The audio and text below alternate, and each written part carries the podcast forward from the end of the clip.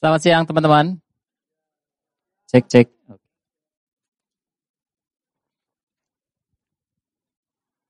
Ya, Arendi. Amin. Iya, senang sekali ketemu dengan setiap teman-teman siang hari ini ya. Wah, kalau dari sini kelihatan sampai belakang ya. Mungkin sampai uh, art room juga. Ya. Saya uh, personally bersyukur ya hari-hari ini karena pemberitaan firman Tuhan. Karena firman benar-benar memerdekakan hidup kita hari-hari ini. Amin. Bukan cuma hari-hari ini tapi bahkan sebelumnya. firman Tuhan gak berubah. Dari 2000 tahun yang lalu ya dikatakan disampaikan begitu kan bahkan dari sebelumnya di perjanjian lama lebih tua lagi usianya firman gak pernah berubah tapi kita yang harus merubah diri kita sesuai dengan kebenaran firman Tuhan. Maka di situ kita alami firman itu merubah, memerdekakan tiap kita. Ya. Nah, kita masih dalam eh, teman-teman uh, uh, pembahasan yang terus uh, berurutan yang ditaruhkan untuk setiap kita dan hari ini kita mau membahas tentang ya topik ini standing firm in victory. Berdiri teguh dalam kemenangan. Siapa di sini yang merasa dirinya adalah pemenang? Angkat tangan. Amin. Amin. Oh, kelihatan ya, yang depan-depan yang angkat tangan. gak ada maksud ya yang di belakang ya. Ya, gak apa-apa ya. Iya, um, kita emang adalah orang-orang yang menang.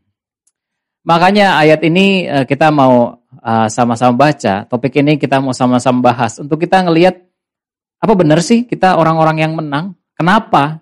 Bagaimana? Terus harus seperti apa? Ya 5W1H jadinya ya. Tapi no problem. Yang penting kita mau ambil ini secara personal. Ya, kebenaran firman Tuhan kita mau ambil secara personal baru itu bisa kita terima dan itu bisa mengubahkan hidup kita. Amin teman-teman. Mari kita lihat pertama dari Keluaran 14 ayat 14. Sama-sama kita baca 1 2 3. Tuhan akan berperang untuk kamu dan kamu akan diam saja. Kita udah pernah membahas ayat ini di um, beberapa minggu yang lalu, begitu. Kalau teman-teman ingat, ini ayat yang dinyatakan oleh uh, Musa kepada bangsa Israel waktu itu ketika mereka udah ada di depan laut, betul ya? Mereka dalam perjalanan dari Mesir, udah dikeluarkan sama Tuhan dari Mesir, mereka lagi berjalan, begitu, eh, nyampe nya ke laut. Begitu kan? Mereka mau melihat ke belakang dan terus mereka melihat ada pasukan Mesir yang sedang mengejar mereka, lengkap dengan kuda, kereta dan lain sebagainya, ya, untuk memerangi mereka. Padahal bangsa Israel itu bukan tentara, bukan prajurit, mereka adalah budak. Ya. nggak bisa perang, kira-kira begitu. Pada saat itu mereka terjepit dan Tuhan menyatakan ayat ini, firman ini untuk menenangkan mereka. Tuhan akan berperang untuk kamu hai Israel, dan kamu akan diam saja. Kenyataannya mereka bisa diam nggak? Ya, bisa. Tapi karena udah saking ketakutannya gitu kan. Udah gemeteran, nggak bisa bergerak lagi, mereka diam gitu ya. Atau mungkin mereka udah kocar kacir, lari-lari ke sana kemari. karena udah nggak tahu mau ngapain lagi. Ketika ayat ini, teman-teman kita bisa dengar, ada satu hal yang menggembirakan bahwa apa? Ayat ini bukan buat bangsa Israel aja, tapi ini juga buat kita. Tuhan berperang buat kamu. Coba tunjuk dirinya masing-masing. Katakan buat dirinya masing-masing, ganti nama kamu dengan namamu sendiri. Satu, dua, tiga. Tuhan akan berperang untuk David dan David akan diam saja. Wow. Kalau Tuhan berperang untuk saya, kira-kira saya akan menang atau kalah? Jelas menang ya. Kalau saya yang perang untuk diri saya, mungkin menang, mungkin seri, seri. Yang mungkin kalah malah gitu kan. Tapi kalau Tuhan yang menang, eh, perang pasti menang, betul ya? Tuhan berperang untuk kamu, bukan Tuhan berperang melawan kamu, bukan. Bukan Tuhan berperang, um, ya terhadap kamu, bukan. Tapi Tuhan berperang untuk kamu. Berarti Tuhan ada di pihakmu. Betapa sukacitanya kita teman-teman. Karena kita tahu yang berperang bersama kita di samping kita bukan ya, bukan orang yang bisa menang bisa kalah, bukan. Tapi adalah pribadi yang pasti akan berikan kita kemenangan. Kita membaca satu lagi dari Keluaran 19 ayat 4 sampai 6 ya. 1 2 3. Kamu sendiri telah melihat apa yang kulakukan kepada orang Mesir dan bagaimana aku telah mendukung kamu di atas saya Praja Wali dan membawa kamu kepadaku. Jadi sekarang, jika kamu sungguh-sungguh mendengarkan firmanku dan berpegang pada perjanjianku, maka kamu akan menjadi harta kesayanganku sendiri dari antara segala bangsa. Sebab akulah yang empunya seluruh bumi. Kamu akan menjadi bagiku kerajaan imam dan bangsa yang kudus. Inilah semuanya firman yang harus kau katakan kepada orang Israel. Ayat ini muncul sudah beberapa waktu setelah keluaran 14 itu ya. Jadi singkat cerita di keluaran 14 akhirnya bangsa Israel menang atau kalah lawan Mesir? Menang ya. Kenapa? Jelas karena Tuhan yang berperang untuk Israel. Laut terbelah, kemudian orang orang-orang Mesir, pasukan Mesir yang mengejar, kemudian habis tenggelam di laut tersebut, begitu kan? Dan mereka akhirnya jalan menyeberangi laut dan seterusnya. Keluarlah ayat di Keluaran 19 ayat 4 sampai 6 ini udah beda beda momen, beda yang waktu. Tuhan di situ menyatakan, kamu sendiri telah melihat apa yang kulakukan waktu itu kepada orang Mesir. Teman-teman sudah melihat apa yang Tuhan sudah lakukan buat hidupmu waktu itu. Kapan? Ya waktu kamu terjepit itu. Kamu sendiri sudah melihat bagaimana pertolongan Tuhan ada waktu itu. Kapan? Itu loh, minggu lalu, bulan lalu, Ya, sebutkan kapan itu. Ketika kamu mungkin terjepit, ketika kamu mungkin tertolak, ketika kamu mungkin sedang dalam kondisi yang sangat terpuruk dalam hidupmu. Ingat nggak ada Tuhan di situ? Mungkin masing-masing kita pernah mengalami kisah-kisah itu kan? Yang pada waktu itu sakit sekian hari, cuma bisa bed rest, tapi kamu mengalami lawatan Tuhan.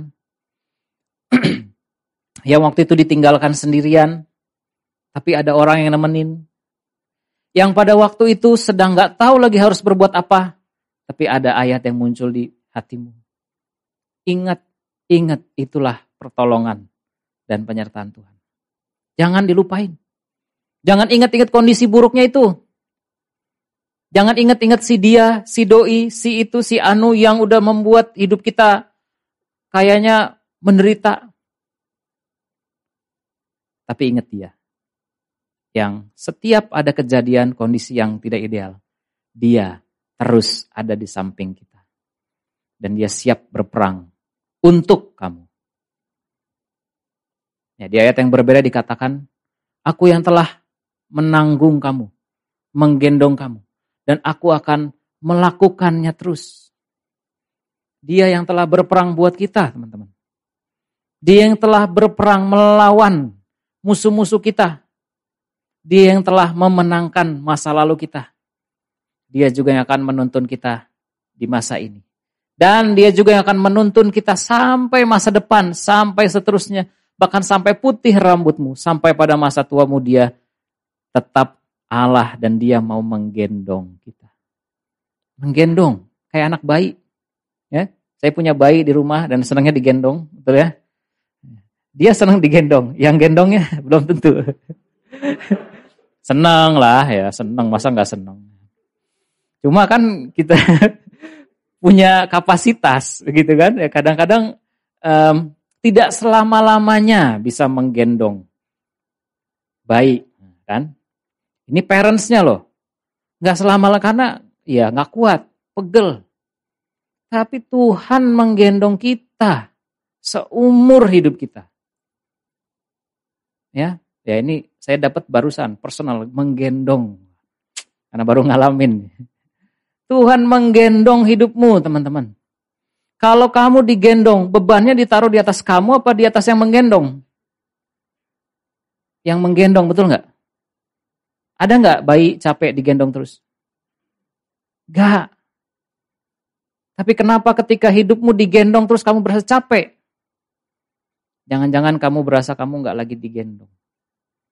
kamu di apa? Di apa ya? Ditinggalkan, dibiarkan? Enggak. Lihat Tuhan yang menggendong kamu. Maka harusnya kamu enggak lagi capek, lelah, lesu, kehilangan semangat, kehilangan kekuatan. Justru harusnya kita merasa, wow, excited. Amin. Kita membaca beberapa ayat lagi teman-teman. ya. Yang pertama, 1 Korintus 1 ayat 30 dibacakan oleh yang wanita. Yang kedua oleh yang pria. Yang ketiga ini kita nanti baca bareng-bareng. ya Dari yang wanita dulu, 1 Korintus 1 ayat 30. 1, 2, 3.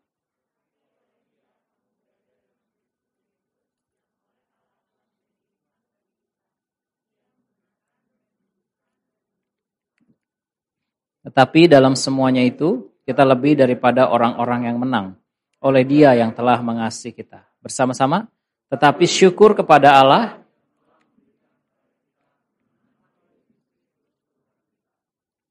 Amin. 1 Korintus 1 ayat 30 menyatakan ia membenarkan, menguduskan, dan menebus kita. Saya um, apa namanya melihat ayat ini seolah-olah ada dalam anggap aja kayak persidangan begitu teman-teman. Di dalam persidangan itu ada yang namanya ter, eh, pendakwa, betul ya? Pendakwa. Dalam hidup kita jelas pendakwa itu siapa? Iblis ya. Jangan bilang itu papa mamamu, temanmu, gurumu, siapa pun itu bukan. Pendakwa itu jelas iblis. Di dalam persidangan kerjaan pendakwa cuma satu, dia mendakwa. Mendakwa itu apa? Menyatakan kesalahan. Dia yang ngelapor, kira-kira gitu. Pak Hakim, si A melakukan kesalahan begini, begini, begini, begini. Belum selesai di situ, dibuka lagi berkas-berkas yang lama kan. Ada lagi kesalahannya, ini, ini, ini, ini, wah dibukain semua. Kira-kira begitu. Saya nggak pernah dalam persidangan, puji Tuhan, jadi nggak tahu persisnya. Tapi kan pendakwa itu sering kali ngomong kayak gitu. Apakah iblis mengingatkan dosamu cuma yang kemarin doang? Enggak ya. Semuanya dibuka semua gitu kan. Yang udah di recycle bin kayak dibuka lagi semua. Jadi wah filenya penuh semua dosa-dosanya. Itu yang dilakukan oleh pendakwa. Tapi untungnya di persidangan itu kita walaupun sedang di posisi seolah-olah lagi dituduh dan didakwa, kita nggak sendirian. Satu sisi ada pendakwa, di sisi lain ada pembela. Ngapain kerjaan pembela? Ya jelas, advokat membela kita. Ya. Gimana dia membelanya? Setiap tuduhan yang disampaikan, si pembela ini berkata, dosanya udah selesai. Mana bukti selesainya? Kayu salib. Yesus sudah mati buat dosanya. Dibuka lagi file-filenya, dosanya, didakwa lagi, diomongin lagi. Pembela berkata, ini juga udah selesai. Ini juga udah selesai. Karena semua dosa, semua klaim dosa apa pun itu yang dituduhkan pendakwa kepada kita sebetulnya udah diselesaikan di kayu salib dan semua udah beres. Tinggal kamu mau dengerin ke pendakwa atau ke pembela. Kalau kamu dengerin ke pendakwa, kamu akan pusing dan merasa banyak dan merasa tertuduh, merasa terintimidasi. Kalau kamu melihat kepada pendakwa, kamu akan jelas bahwa semua tuduhan udah dihapus.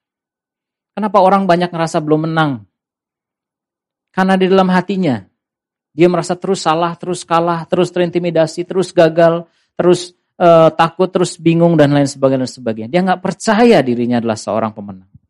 Karena mungkin banyaknya kejadian-kejadian dalam hidupnya, sehingga dia ngerasa, hmm, kayaknya aku ini terlahir loser.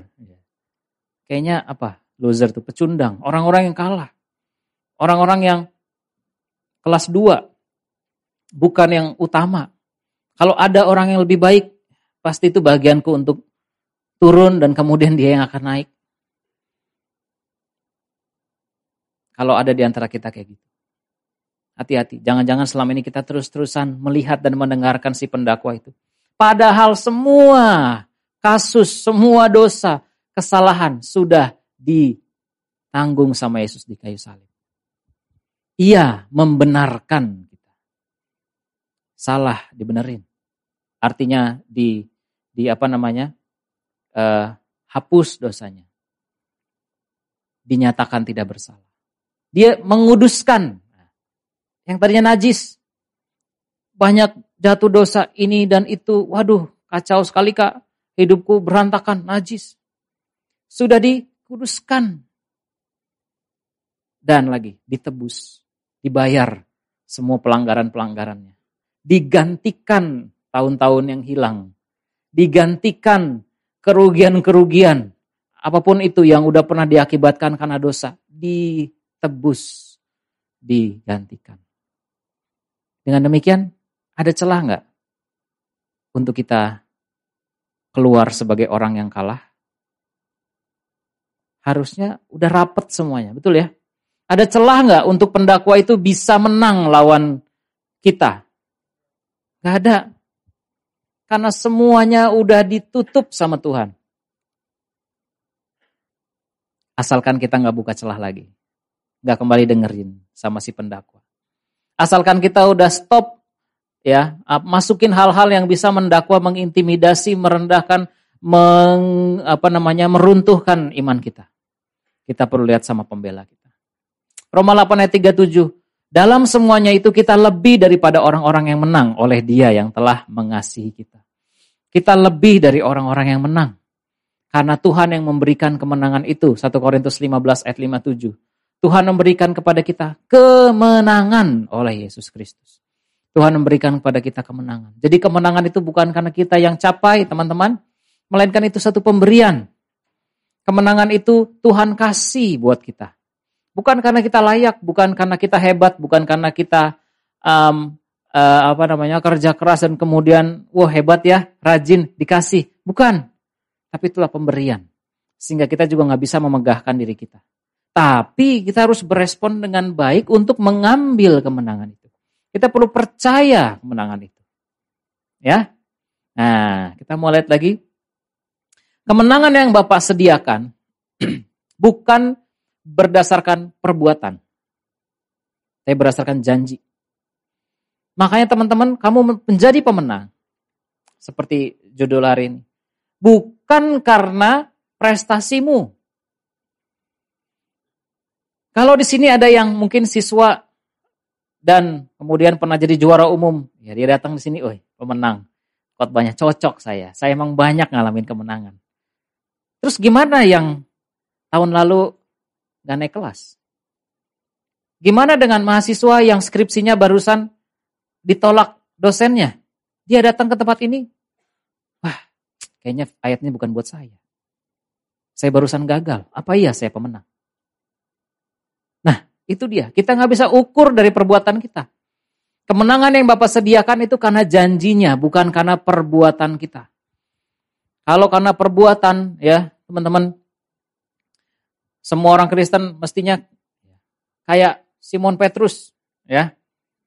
Wah, gagah berani membela Tuhan. Kalau semua ini uh, menolak Tuhan, saya akan uh, apa namanya tetap membela. Sampai akhirnya ketika Yesus ditangkap dia bawa pedang dan dia yang melawan pasukan yang mau nangkep Yesus itu. Tapi kan Tuhan nggak bermaksud seperti itu. Karena nyatanya yang Petrus lakukan pun Tuhan cancel tanda kutip. Telinga Malkus yang udah dipotong kan ditaruh lagi sama Yesus. Dipasang lagi. Bukan perbuatan kita, teman-teman.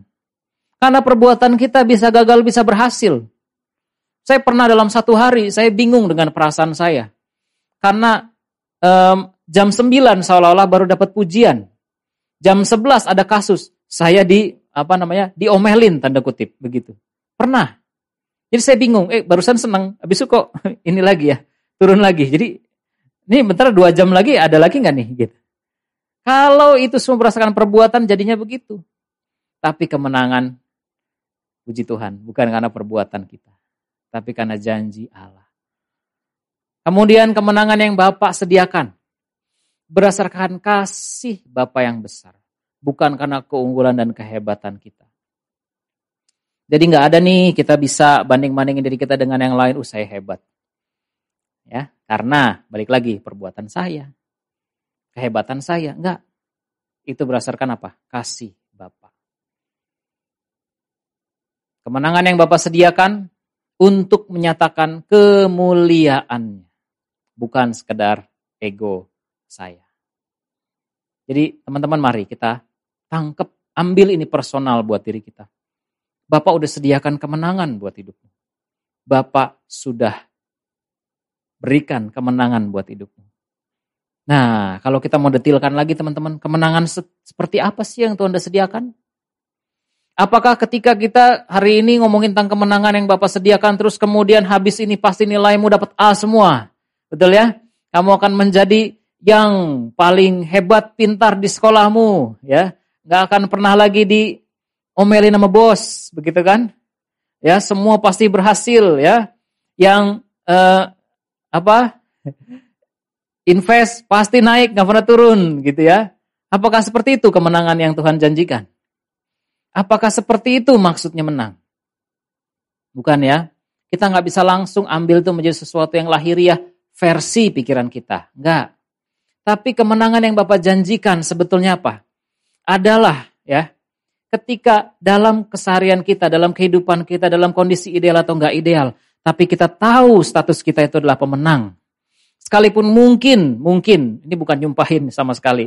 Mungkin dalam ujian kita masih gagal, dalam pekerjaan kita masih kesandung dan ternyata melakukan kesalahan. Sekalipun mungkin banyak tuduhan-tuduhan dari kondisi, dari situasi, dari pekerjaan, dari akademik, dari apa pun yang menerpa hidup kita.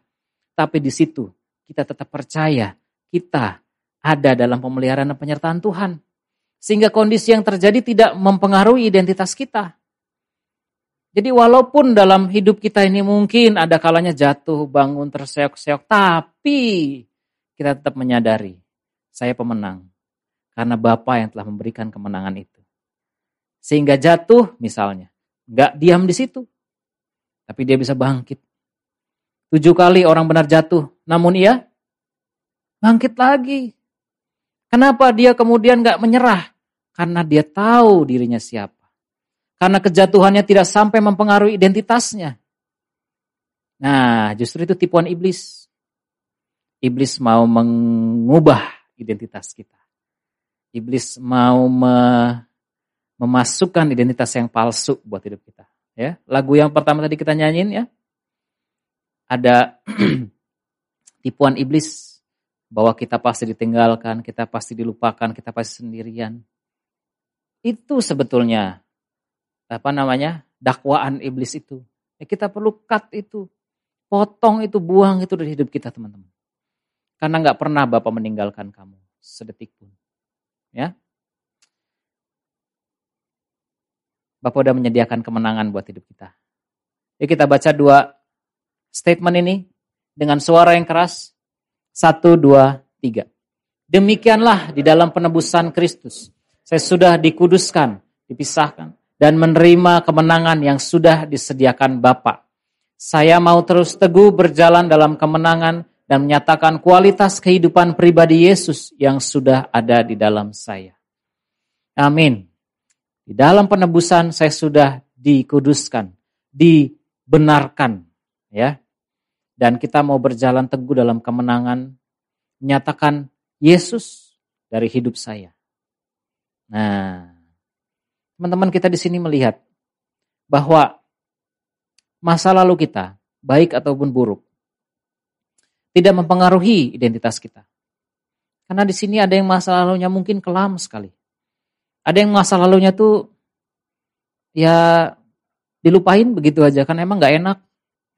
Ada yang mungkin masa lalunya cukup ideal dan baik, tapi masa sekarang ternyata nggak cukup ideal dan nggak baik misalnya, macam-macam. Makanya banyak orang membawa masa lalunya begitu rupa, dia nggak mampu lepasin.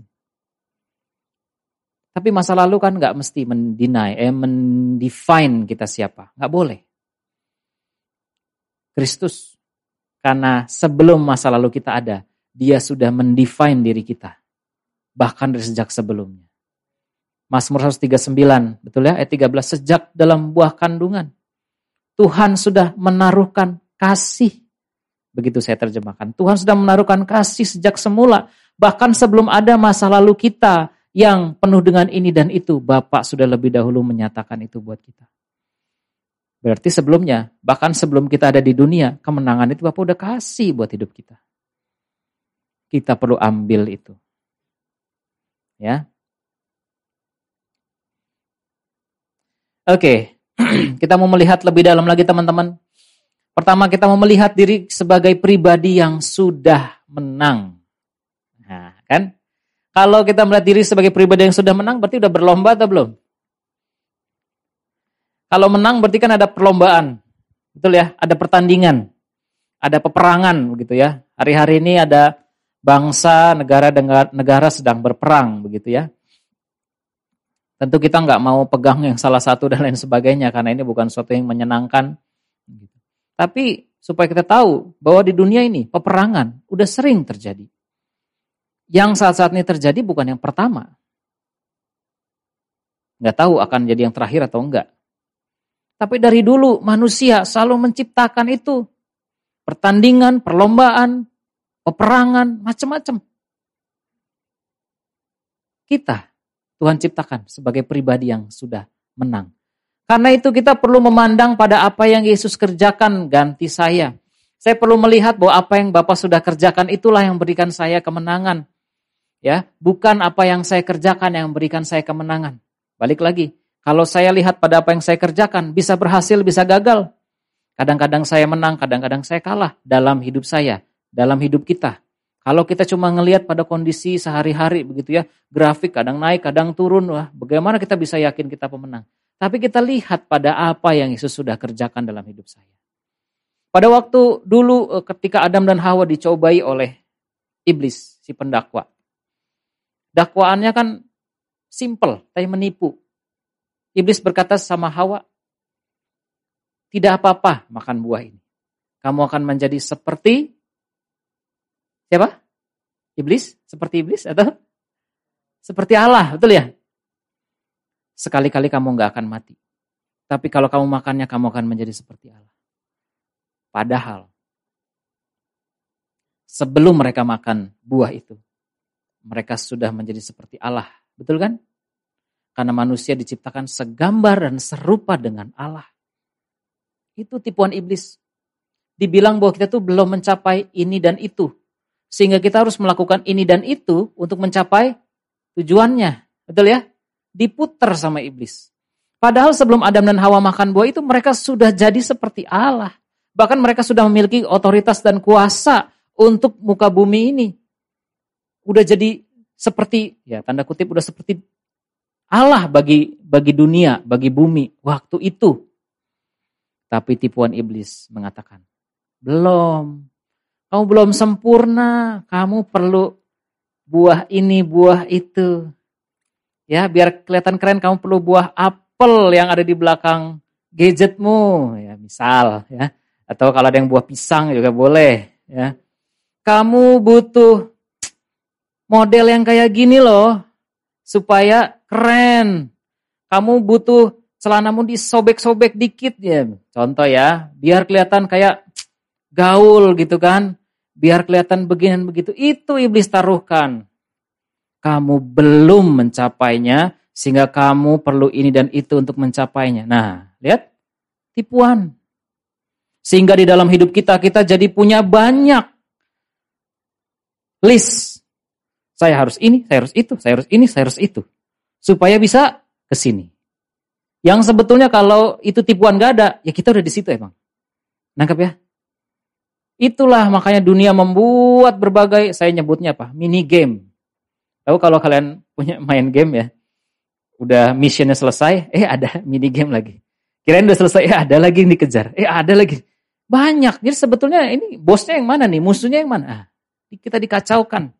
Kalau cuma permainan ya sudahlah, tapi dalam hidup kita kita dikacaukan dengan begitu rupa. Baju, wah penampilan hari ini Kak Randy harus bagus lah. Wah, tapi minggu lalu udah pakai baju ini. Jangan pakai baju ini lagi lah. Eh, tapi uh, si itu pakai baju apa ya? Nah, kan panjang. Wah, gaya rambutnya ini udah sebulan begini terus, gantilah.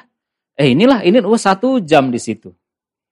Gak selesai dengan satu jam keluar, balik lagi masuk ganti lagi misalnya. Contoh. Itu baru tentang berpakaian. Belum nanti kalau mau eh, kerja apa segala macam. Begitu banyak pertandingan-pertandingan yang nggak perlu yang ada dalam hidup kita, yang sebetulnya itu cuma untuk mengecoh supaya kita nggak tahu pertandingan apa yang sebetulnya kita jalani. Yang sebenarnya mini game mini game itu kan nggak perlu, which is sebenarnya kita udah menang. Karena di dalam Tuhan kan nggak ada penilaian. Dalam arti kita nggak ternilai oleh penilaian-penilaian dunia. Emang kenapa kalau baju salah? Emang kenapa kalau ini kalau itu? Bukan berarti saya uh, bilang baju sembarangan aja, enggak. Gitu. Tapi jangan sampai itu menjadi pertandingan-pertandingan yang nggak perlu. Bukan cuma urusan baju, tapi urusan-urusan lahiriah lainnya. Karena itu bisa mengacaukan kita dari sebenarnya apa yang kita mau kejar. Sebetulnya apa yang eh, ini pertandingan apa gitu. Kan lucu ya. Dalam pertandingan sepak bola ya. Tiba-tiba bisa menjadi pertandingan gulat gitu kan. Oh, lagi ada yang jatuh kesandung terus kemudian uh, lawannya ada yang mukul eh pada pukul-pukulan begitu kan, wasit ikutan, wasit dipukul gitu kan. Wah, kacau sekali. Bolanya di sana. Gitu. Itu sering terjadi seperti itu. Dulu di pertandingan-pertandingan uh, sepak bola. Jangan sampai kita kayak gitu. Tim yang begitu nggak fokus, bolanya kecolongan, hilang gol dan sebagainya. Memang itulah maksud dunia. Mau mengacaukan kita, mengecoh kita dari fokus yang sebetulnya. Dengan begitu banyak variasi-variasi dan apa yang ada dalam dunia ini yang dunia tawarkan. Dan dunia ini menawarkan seolah-olah kamu belum menang. Kamu butuh ini dan itu. Kamu butuh tas merek ini dan itu. Kamu butuh sepatu yang warna ini dan itu. Sehingga kalau eh, pakaian lagi ya, jangan ke pakaian lah. Ke apa kayak gadget gitu ya, apa pun teman-teman bisa uh, detailkan sendiri. Intinya supaya kita terkecoh dari hal itu. Padahal dalam Allah, ya, kamu dinilai sudah baik. Allah berkenan atas hidupmu. Allah mengasihi kamu dengan begitu rupa. Gak peduli dengan semua pencapaian-pencapaian hal itu.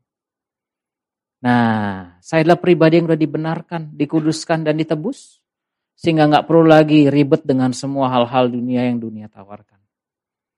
Ya, dan kita bisa membuang batasan diri akibat cara pandang yang salah. Karena kita sudah melihat diri kita sebagai pemenang. Bilangan 14 ayat 9, janganlah memberontak kepada Tuhan dan janganlah takut kepada bangsa negeri itu. Sebab mereka akan kita telan habis. Yang melindungi mereka sudah meninggalkan mereka. Sedang Tuhan menyertai kita. Janganlah takut kepada mereka. Lihat, pada waktu ayat ini dinyatakan, ini kan kira-kira adalah um, dua pengintai yang berkata seperti itu kan, dua pengintai versus sepuluh pengintai. Yosua dan Kaleb yang mengatakan hal itu kepada orang Israel. Waktu Yosua dan Kaleb ngomong itu, mereka udah perang belum melawan orang-orang asli Kanaan? Belum. Mereka belum perang lawan orang-orang asli Kanaan yang adalah orang-orang enak itu. Raksasa-raksasa itu mereka belum menghadapi. Tapi ini mental pemenang. Mereka sudah memandang diri mereka sebagai pribadi yang sudah menang. Mereka mengatakan apa? Mereka akan kita telan habis. Raksasa-raksasa itu akan kita telan. Mereka itu kayak roti dalam bahasa yang lain. Yang meninggal melindungi mereka sudah meninggalkan mereka seperti bayangan. Sedang yang melindungi kita masih ada, yaitu Allah. Ini orang belum perang, udah tahu dirinya akan menang. Kita harus seperti ini, teman-teman. Bukan ciut menghadapi hal-hal yang ada di depan. Menghadapi apa? presentasi eh, kinerja, mungkin yang kerja, menghadapi ujian, menghadapi skripsi, menghadapi um, apa lagi ya? appraisal ya. Appraisal dulu menakutkan ya buat yang kerja ya. Menghadapi apa pun itu. Apa itu raksasa dalam hidupmu? Batasan apa yang membelenggu kamu? Buang. Kalau kita melihat diri kita udah menang, kita menghadapi sesuatu dengan cara yang beda kan? Nah, aku berdoa teman-teman kita bisa benar-benar melihat Yesus sudah mengerjakan segalanya buat kita. Ya, Kemudian, senantiasa teguh sebagai pemenang. Saya rela untuk dibangun berdasarkan kebenaran dan mengikuti kebenaran itu, mengikuti teladan dari Bapa. Ketika kita dibangun dalam kebenaran, kita perlu membuang mental korban. Tahu mental korban? Korban itu bukan pemenang pasti dalam hal ini. Korban itu apa? Orang yang udah kalah. Orang yang menderita. Korban perang. Pasti dia nggak menang. Betul ya? Korban apa lagi? Pasti selalu ini adalah sosok yang menderita. Kadang-kadang ini menjadi satu apa ya perasaan dalam diri kita. Ketika kita memandang diri kita sebagai korban, korban bully, korban orang tua, korban uh, apa namanya penilaian teman-teman, korban ditinggalkan sama orang-orang, korban ini dan itu, korban masa lalu, korban mungkin COVID, korban apa pun. Mental korban tuh kayak gimana? Dikit-dikit dia menyatakan kesedihannya. Aduh, gimana ya kak, aku mau maju. Habis papa mamaku kayak gini sih. Ya kan? Kamu dong sharing. Aduh, gimana ya kak, hari ini ah, gak ideal lah.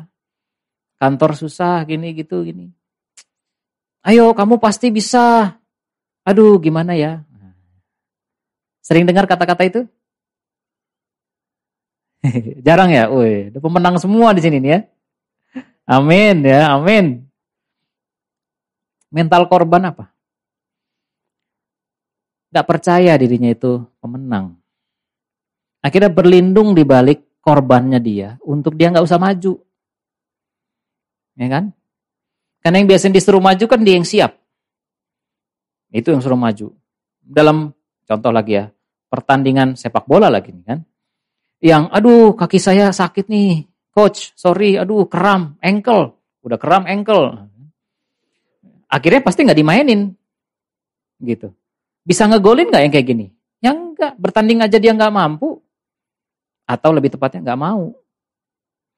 Nah, ya toh mental-mental korban. Gak akan ngalamin kemenangan. Waktu pun timnya menang, dia gak akan berasa itu miliknya. Karena mental korban itu selalu mendesak dia kalah, kalah. Belum bertanding, ya udah kalah. Belum bertanding, ya pasti kalah lah. Mau maju, aduh gagal ya gimana ya. Aduh nanti, ya begitu. Buang mental korban dalam hidupmu teman-teman. Jangan dibawa-bawa. Karena sampai kapan pun kalau kita bawa hal itu, itu akan terus ada di mindset kita. Ya, Justru kita perlu taruhkan kebenaran. Yuk kita baca sama-sama 1 Korintus 15 ayat 58. 1, 2, 3. Karena itu, saudara-saudaraku yang kekasih, berdirilah teguh, jangan goyah. Dan giatlah selalu dalam pekerjaan Tuhan. Sebab kamu tahu bahwa dalam persekutuan dengan Tuhan, jerih payahmu tidak sia-sia. Berdiri teguh, Nah, itu kan gak ada lagi engkel, kram, capek, pegel, masuk angin dan sebagainya. Jangan goyah. Giatlah dalam pekerjaan Tuhan.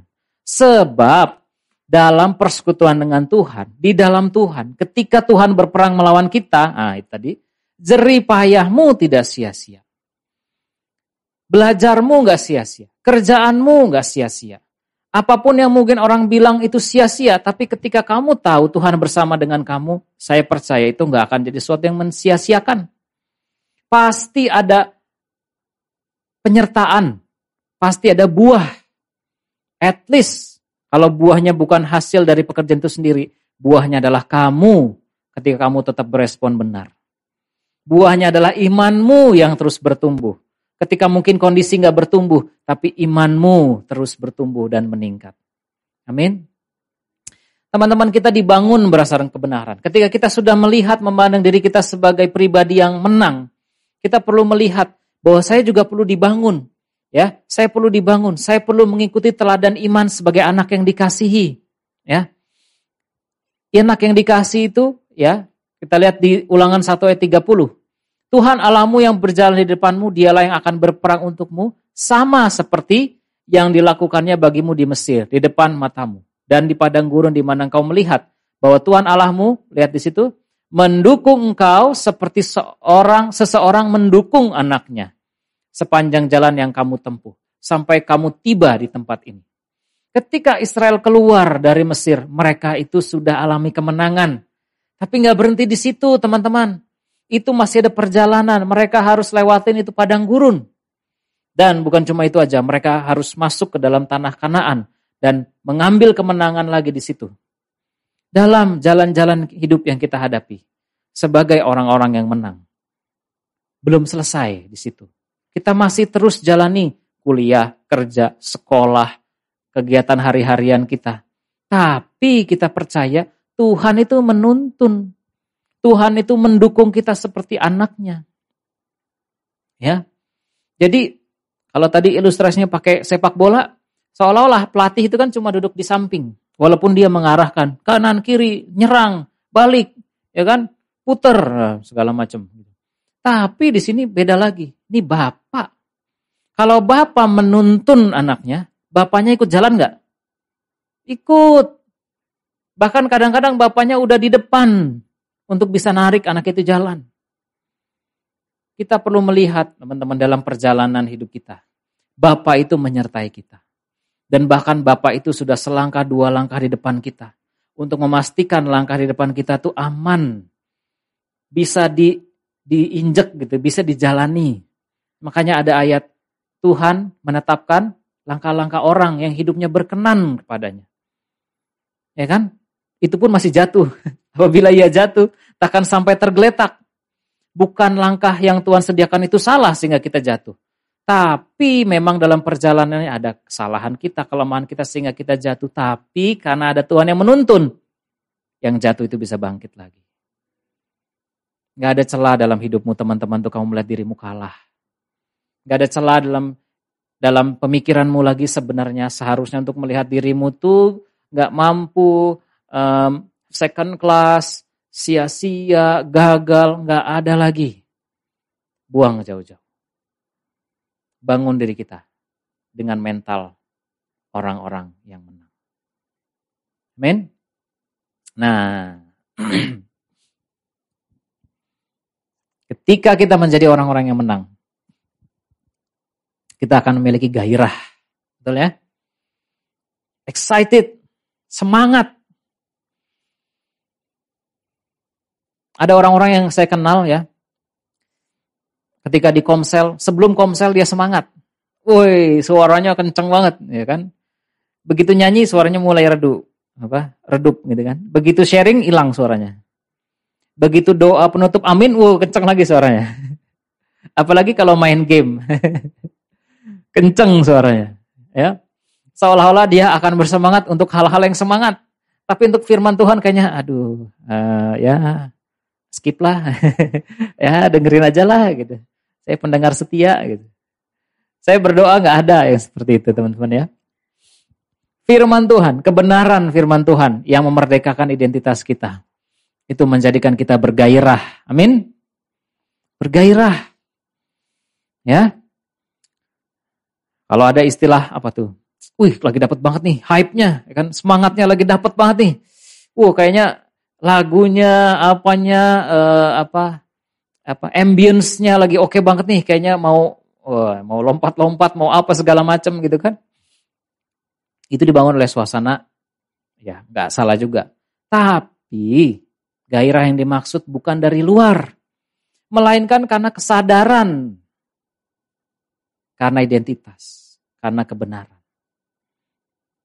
Ketika kamu menjalani hidupmu sebagai orang-orang yang menang, besok kamu kuliah, kamu kuliahnya males-malesan atau rajin? Enggak langsung saya bilang rajin. Kamu semangat nggak menjalani hal itu? Hmm? Ketika kamu tahu kamu menjadi pribadi yang dimenangkan oleh Bapak, kamu menjalani keseharianmu itu males-malesan, loyo, lesu, atau semangat? Semangat harusnya. Amin menjalani pekerjaanmu, ketemu bosmu yang mungkin mukanya lagi nggak oke hari ini, semangat atau lesu?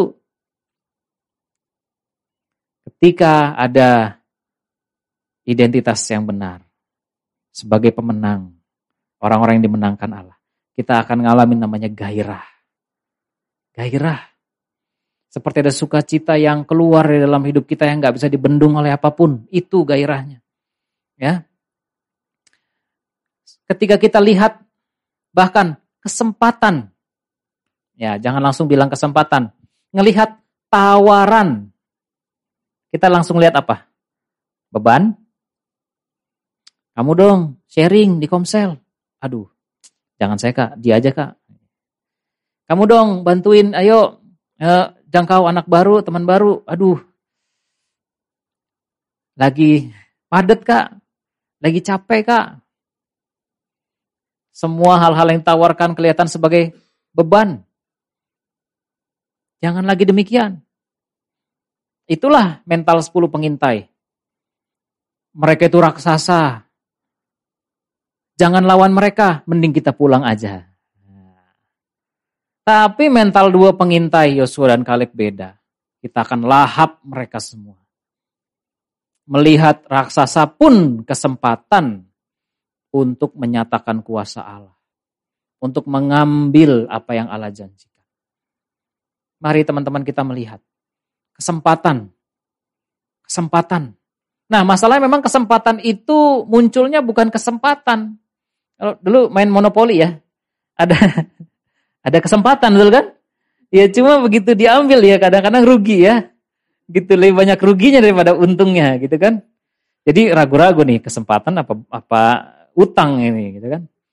Di dalam Tuhan gak akan ketipu begitu.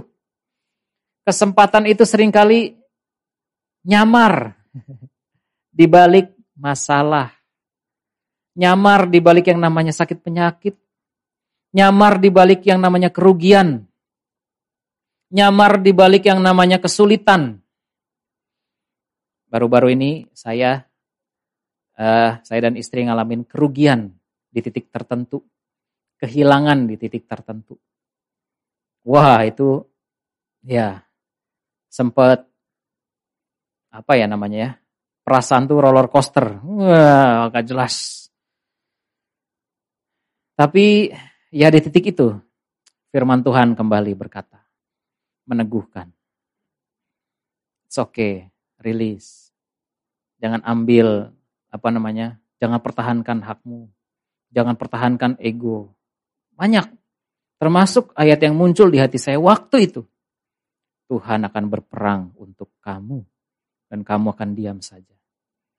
Sehingga tadinya mau begini dan begitu, gitu ya mau ngoceh sana ngoceh situ, ya saya berusaha menenangkan diri saya. Itu kesempatan ternyata.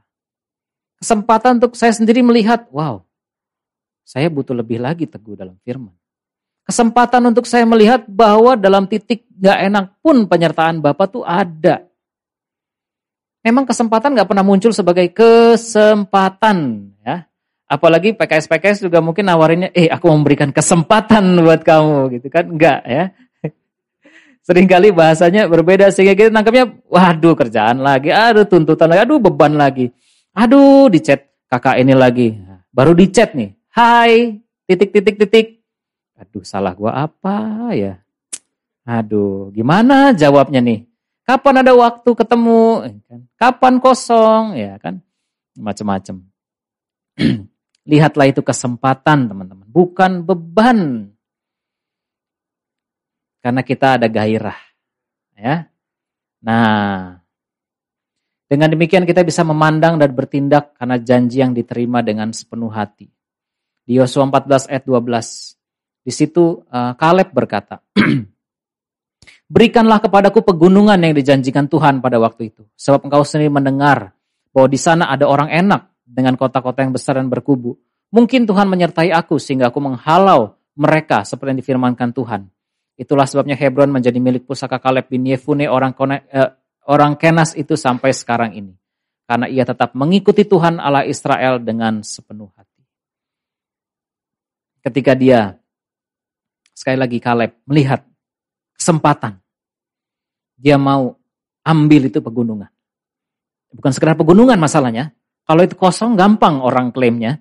Tapi itu ada isinya dan isinya itu raksasa. Dia melihat Kesempatan sekali lagi bukan beban. Kalau itu di, diadain sayembara atau di, di tender gitu, eh ada yang mau nggak? Nih Kaleb mau nih pegunungan, ada yang mau yang lain? Gak ada, saya yakin, ya, saya yakin gak ada yang mau ngambil. Cuma Kaleb yang mau. Bahkan itu bukan ditawarkan ke Kaleb. Kaleb yang mau ambil itu. Dia melihat raksasa pun, dia melihat pegunungan pun, ya sebagai sesuatu yang merupakan janji Allah. Teman-teman, begitu saya renungkan hal ini pribadi, saya melihat, wah kalau gitu nggak ada lagi yang disebut masalah dalam hidup kita ya. Kalau gitu nggak ada lagi yang bisa kita responi dengan susah, gelisah, kacau, sedih, bingung, takut ya. Karena bahkan masalah pun sebenarnya adalah kesempatan. Apalagi hal-hal baik yang dinyatakan ke kita. Mari kita lihat ini teman-teman. Karena memang di dalam Allah, di dalam Bapa, ya seperti Bapa nuntun anaknya. Bapa akan nuntun ke hal-hal yang baik. Bahkan di apa tuh lembah kekelaman, gadamu dan tongkatmu itu yang menghibur. Bahkan di titik terendah dalam hidup kita. Bahkan di momen-momen gak enak dalam hidup kita. Pertolongan dan penyertaan Bapa itu nyata. Ketika kita bisa melihat seperti itu dalam hidup kita teman-teman. Itulah kita bisa praktekkan kemenangan buat hidup kita. Amin. Dan dikatakan di 1 Korintus 10 ayat 13. Pencobaan-pencobaan yang kamu alami adalah pencobaan biasa yang tidak melebihi kekuatanmu, kekuatan manusia. Pencobaan-pencobaan itu kayak tadi, raksasa-raksasa, pegunungan-pegunungan, masalah-masalah. Eh, semua yang mendatangi kamu itu nggak melebihi kekuatanmu. Tuhan tahu limit kamu. Dan bahkan dia setia, dia nggak meninggalkan kamu sen sendirian. Dia tidak membiarkan kamu dicobai melampaui kekuatanmu.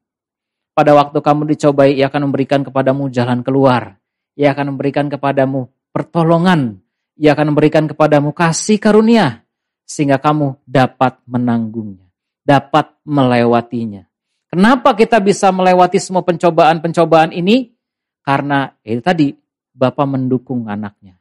Menuntun anaknya. Lebih lagi, menggendong anaknya. Karena apa? Pencobaan itu raksasa, eh, pegunungan, apa pun itu. Justru adalah kesempatan kita ngalamin Bapak. Mari teman-teman kita melihat dengan cara pandang yang berbeda. Inilah yang dibahas dalam beberapa waktu lalu sebagai apa? Karis Hooper Periseo, betul ya? Kasih karunia sangat banyak sampai nggak terhitung. Bahkan di mana dosa bertambah banyak di situ kasih karunia melimpah-limpah, yaitu karis Super Periseo. Jadi kita perlu melihat kasih karunia itu ada, ada dan ada bukan sekedar ya ada sih ya entah di mana bukan, tapi kasih karunia itu ada buat saya. Ambil hal itu. Bahkan di tengah-tengah kondisi yang gak enak. Ambil hal itu. Tentu kita gak berharap kesulitan dan uh, masalah banyak terjadi. Kita tidak berharap hal itu. Apalagi kita juga gak cari-cari masalah. Tapi cara pandang kita berubah. Kita melihat Bapak ada, Bapak bekerja, Bapak menemani saya. Amin. Mari teman-teman kita mau sama-sama baca